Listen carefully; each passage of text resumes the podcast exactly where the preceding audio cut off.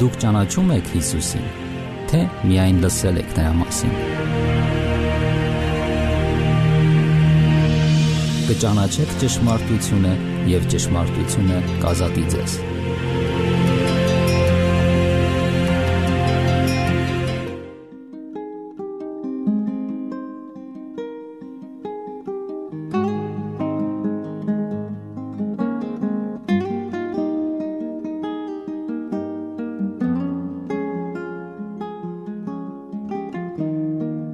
Բարև ձեզ սիրելի ռադիո լսողներ։ Եթերում ղողանջ հավերժության հաղորդաշարն է։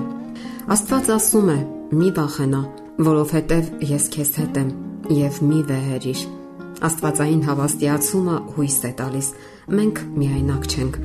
Մեր օրերում խորանում են անկումային տրամադրությունները, տնտեսական, սոցիալական եւ հոգեբանական։ Սթրեսը դարձել է մեր բառապաշարի անբաժանելի մի մասը։ Պատճառները բազմաթիվ են նյութական խնդիրներ, հասարակական խորթություն, ամուլ փոխհարաբերություններ, ամուսնալուծություն, վիրավորանքներ։ Այս ցանկը կարելի է երկար շարունակել։ Սակայն անհուսության, խավարի թվացial իշխանությունից ելք կա։ Աստված այսպես է դիմում մարդուն. մի վախենա, որովհետև ես քեզ հետ եմ։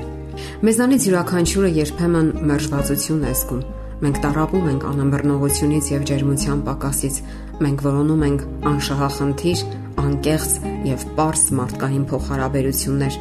Սակայն ավելի հաճախ մենք բախվում ենք քար լռության բետոնե պատին եւ խայթվածի նման յետ ենք ընկրկում։ Մեր կյանքը հաճախ փորձությունների մի երկար շղթա է։ Եվ դարձյալ, երբ թվում է անհուսալի խավարի մեջ ենք, Աստվածային մխիթարությունն է ճառագում Սուրբ գրքի էջերից։ Մի վեհերիր որովհետև ես քո Աստվածն եմ։ Մերժվածությունը կարող է ողջ կյանքում ուղեկցել մեզ եւ աղավաղել մեր հոգեվոր կյանքը։ Մարդկանց մեծամասնությունը երբեք էլ չի գիտակցում այդ զգացողության ողջ հարատավորությունը, նրա բացասական հետևանքները։ Շատ հանցագործությունների եւ բռնարարքների հիմքում ընկած են մերժվածությունից ելք գտնելու, ինչ որ ձևով ինքնահաստատման հասնելու աղավաղված, խեղաթյուրված ձգտումները։ Իշ հոգու խորքում մարդը ճանաչման է ձգտում։ Նա ցանկանում է որ իրեն ընդունեն, գնահատեն ու հասկանան, սակայն միշտ չէ որ ըմբռնողության է արժանանում։ Այս բոլորը խոր հետք է թողնում մարդու հոգում, զրկում ներքին խաղաղությունից։ Ահա թե ինչու են նրան ուղված Աստվածային հետևյալ հորդորները. Ես զորացրել եմ քեզ, նաև օգնել եմ քեզ։ Մարդը կարող է իր կյանքի ուղեցույց ընտրել այս խոսքերը եւ վստահ առաջ շարժվել Աստված ցանկանում է օգնել մարդուն, հանել մեղքի տեղմից, ճանապարհ ցույց տալ։ Շատ մարդիկ տարապում են ծնողական սիրո բացակայությունից, ընտանեկան ջերմ հարազատ մթնոլորտի կարոտից։ Ողջ կյանքում նրանց հետ ապնդում է բաժանված ծնողների կարոտը, ջերմ, շոյող зерքի բացակայությունը։ Նրանք մեծանում են անպաշտպան եւ երկչոտ, լքվածության զգացողությամբ։ Նմանօրինակ շատ ապրումներ խոր վերքեր են թողնում մարդու հոգում, անկախ այն բանից գիտակցում են դրանց էությունը, թե ոչ։ Հոգեբանական այս խնդրի հիմքում ընկած է այն, որ մարդը հենց ինքն իրեն չի ընդունում։ Սակայն բարի լուրը այն է, որ Աստված կարող է ազատել մերժվածության հասցրած վերքերից։ Աստված նաև օգնում է որ մարդը ընդունի ինքն իրեն։ Դրանից հետո նա կարող է ուրիշներին էլ ցույց տալ Աստվածային օգնությունը եւ սերը։ Մերժվածության զգացողության դեպքում մարդն իրեն անկարևոր եւ անպետք է զգում։ Նա ցանկանում է, որ մարդիկ սիրեն իրեն, որ ինքն էլ լինի հասարակության մի մասնիկը։ Սակայն հոգնատանջ եւ հասարակական խնդիրներից տարապող հասարակությունը անզգա երևույթ է, որ մերժում է մարդուն, հատկապես եթե նա հանճար չէ աստղ կամ էլ մեծ դրամների տեր։ Սոցիոլոգները եւ արվեստագետները, գրողները միշտ մատնանշել են այսպես կոչված փոքր մարդու ողբերգությունը հասարակական կյանքում մեր օրերի կատաղի ռիթմով հագեցած կյանքում։ Սողոմոն իմաստունը հազարամյակներ առաջ այսպիսի խոսքեր է գրել. Ուրախ սիրտը զվարթացնում է երեսը, բայց սրտի տրտմությունից ճնշվում է հոգին։ Փաստ է, որ մարդկային հասարակության մեջ աստիճանաբար վատանում են մարդկային հարաբերությունները։ Հարյուրավոր կառույցներ ու կազմակերպություններ են Երևան եկել, ինստիտուտներ, քաղաքական ու սոցիալական խմբեր, որոնք հոգեբանորեն փոքրացնում են մարդու ազատության տարածքը եւ անհատականությունը։ Սակայն Աստված միայնակ չի թողնում մարդուն Նաև քեզ հաստատել եմ իմ արդարության աչով հուսադրում է նա։ Սատանան այսօր վնասում է մարդկային փոխհարաբերությունները եւ խաթարում անձի հոգեբանական ամբողջականությունը։ Մարդն իրեն միայնակ ու լքված է զգում, ամայություն եւ ամլություն է ապրում։ Մերժվածության, հիասթափության նման պահերին է, որ մարդիկ դեպրեսիայի մեջ են ընկնում, որ երբեմն պատճառ է հանդիսանում ինքնասպանությունների։ Այսօր սատանան խորթության, սառնության միջոցով է աշխատում։ Դեռևս 2000-ամյակ առաջ Մաթեոս Ավետարանի չգրում է, որ հոգնել եւ ցիրուցան էին եղել, ինչպես ոչխարները, որ հովիվ չունեն։ Ծանոթ պատկեր է Եվ այսպես հոգսերը, դժվարությունները, ճնշում եւ փակուղու առաջ են կանգնեցնում։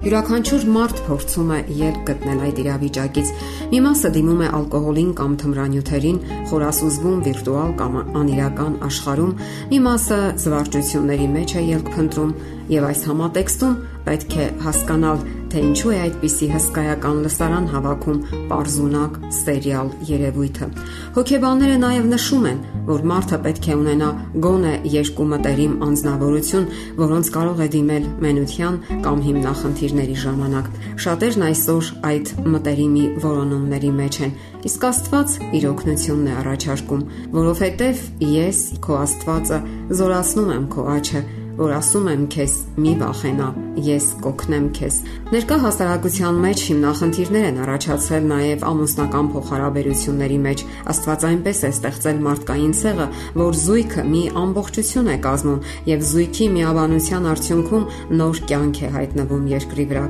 Երեխան զույգի հոր եւ մոր պաշտպանվածության կարիքն է զգում։ Ցանկացած մարդ, ով զրկված է հայրական եւ մայրական սիրուց, անխուսափելիորեն մերժվածության, միայնության պահեր է ապրում։ Ահա թե ինչու ամուսնալուծությունները, սիրո, ջերմության պակասը եւ սառնությունը խորացնում են լքվածության զգացումը։ Մենք ապրում ենք Աստվածաշնչական պատմության վերջին օրերում։ Պողոս Արաքյալը վերջին օրերի մասին գրում է, որ շատ հիմնախնդիրներ Երևան կգան լուրջ տեղաշարժեր կառաջանան հասարակական մտածողության մեջ եւ միայն Աստված կարող է ապակինել մարդուն այդ արատներից եւ վերքերից։ Աստված ցանկանում է ազատագրել մարդուն իր մեղքերից եւ ներքին խնդիրներից։ Երբ վիրաբույժը վիրակապ է դնում հրազենային վերքի վրա, որի ներսում փամփուշտ կամ բեկոր կա, ապա դրանից հիվանդի վիճակը չի լավանում։ Փամփուշտը կամ բեկորը միշտ կհիշեցնի իր մասին, կարող է նույնիսկ թարախակալել եւ մահվան հասցնել հիվանդին։ Ահա թե ինչու հմուտ վիրաբույժը ամենից առաջ հեռացնում է օտար մարմինը վերքից,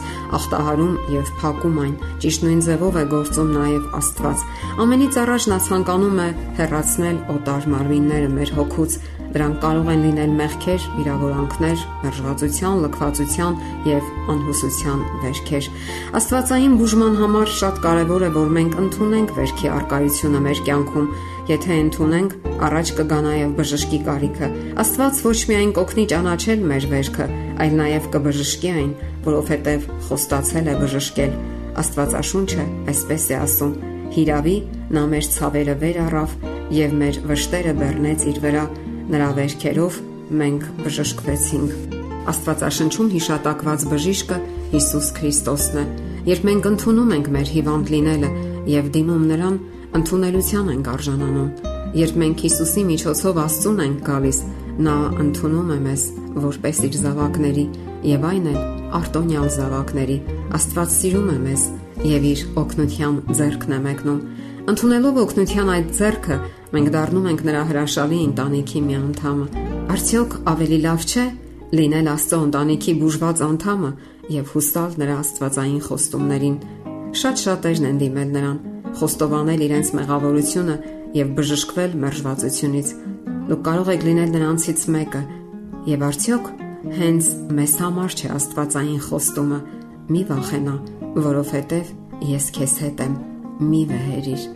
Սիրելի ռադիո լսողներ, եթերում ղողանջ հավերժության հաղորդաշարներ։ Ձեզ հետ է Գեղեցիկ Մարտիրոսյանը։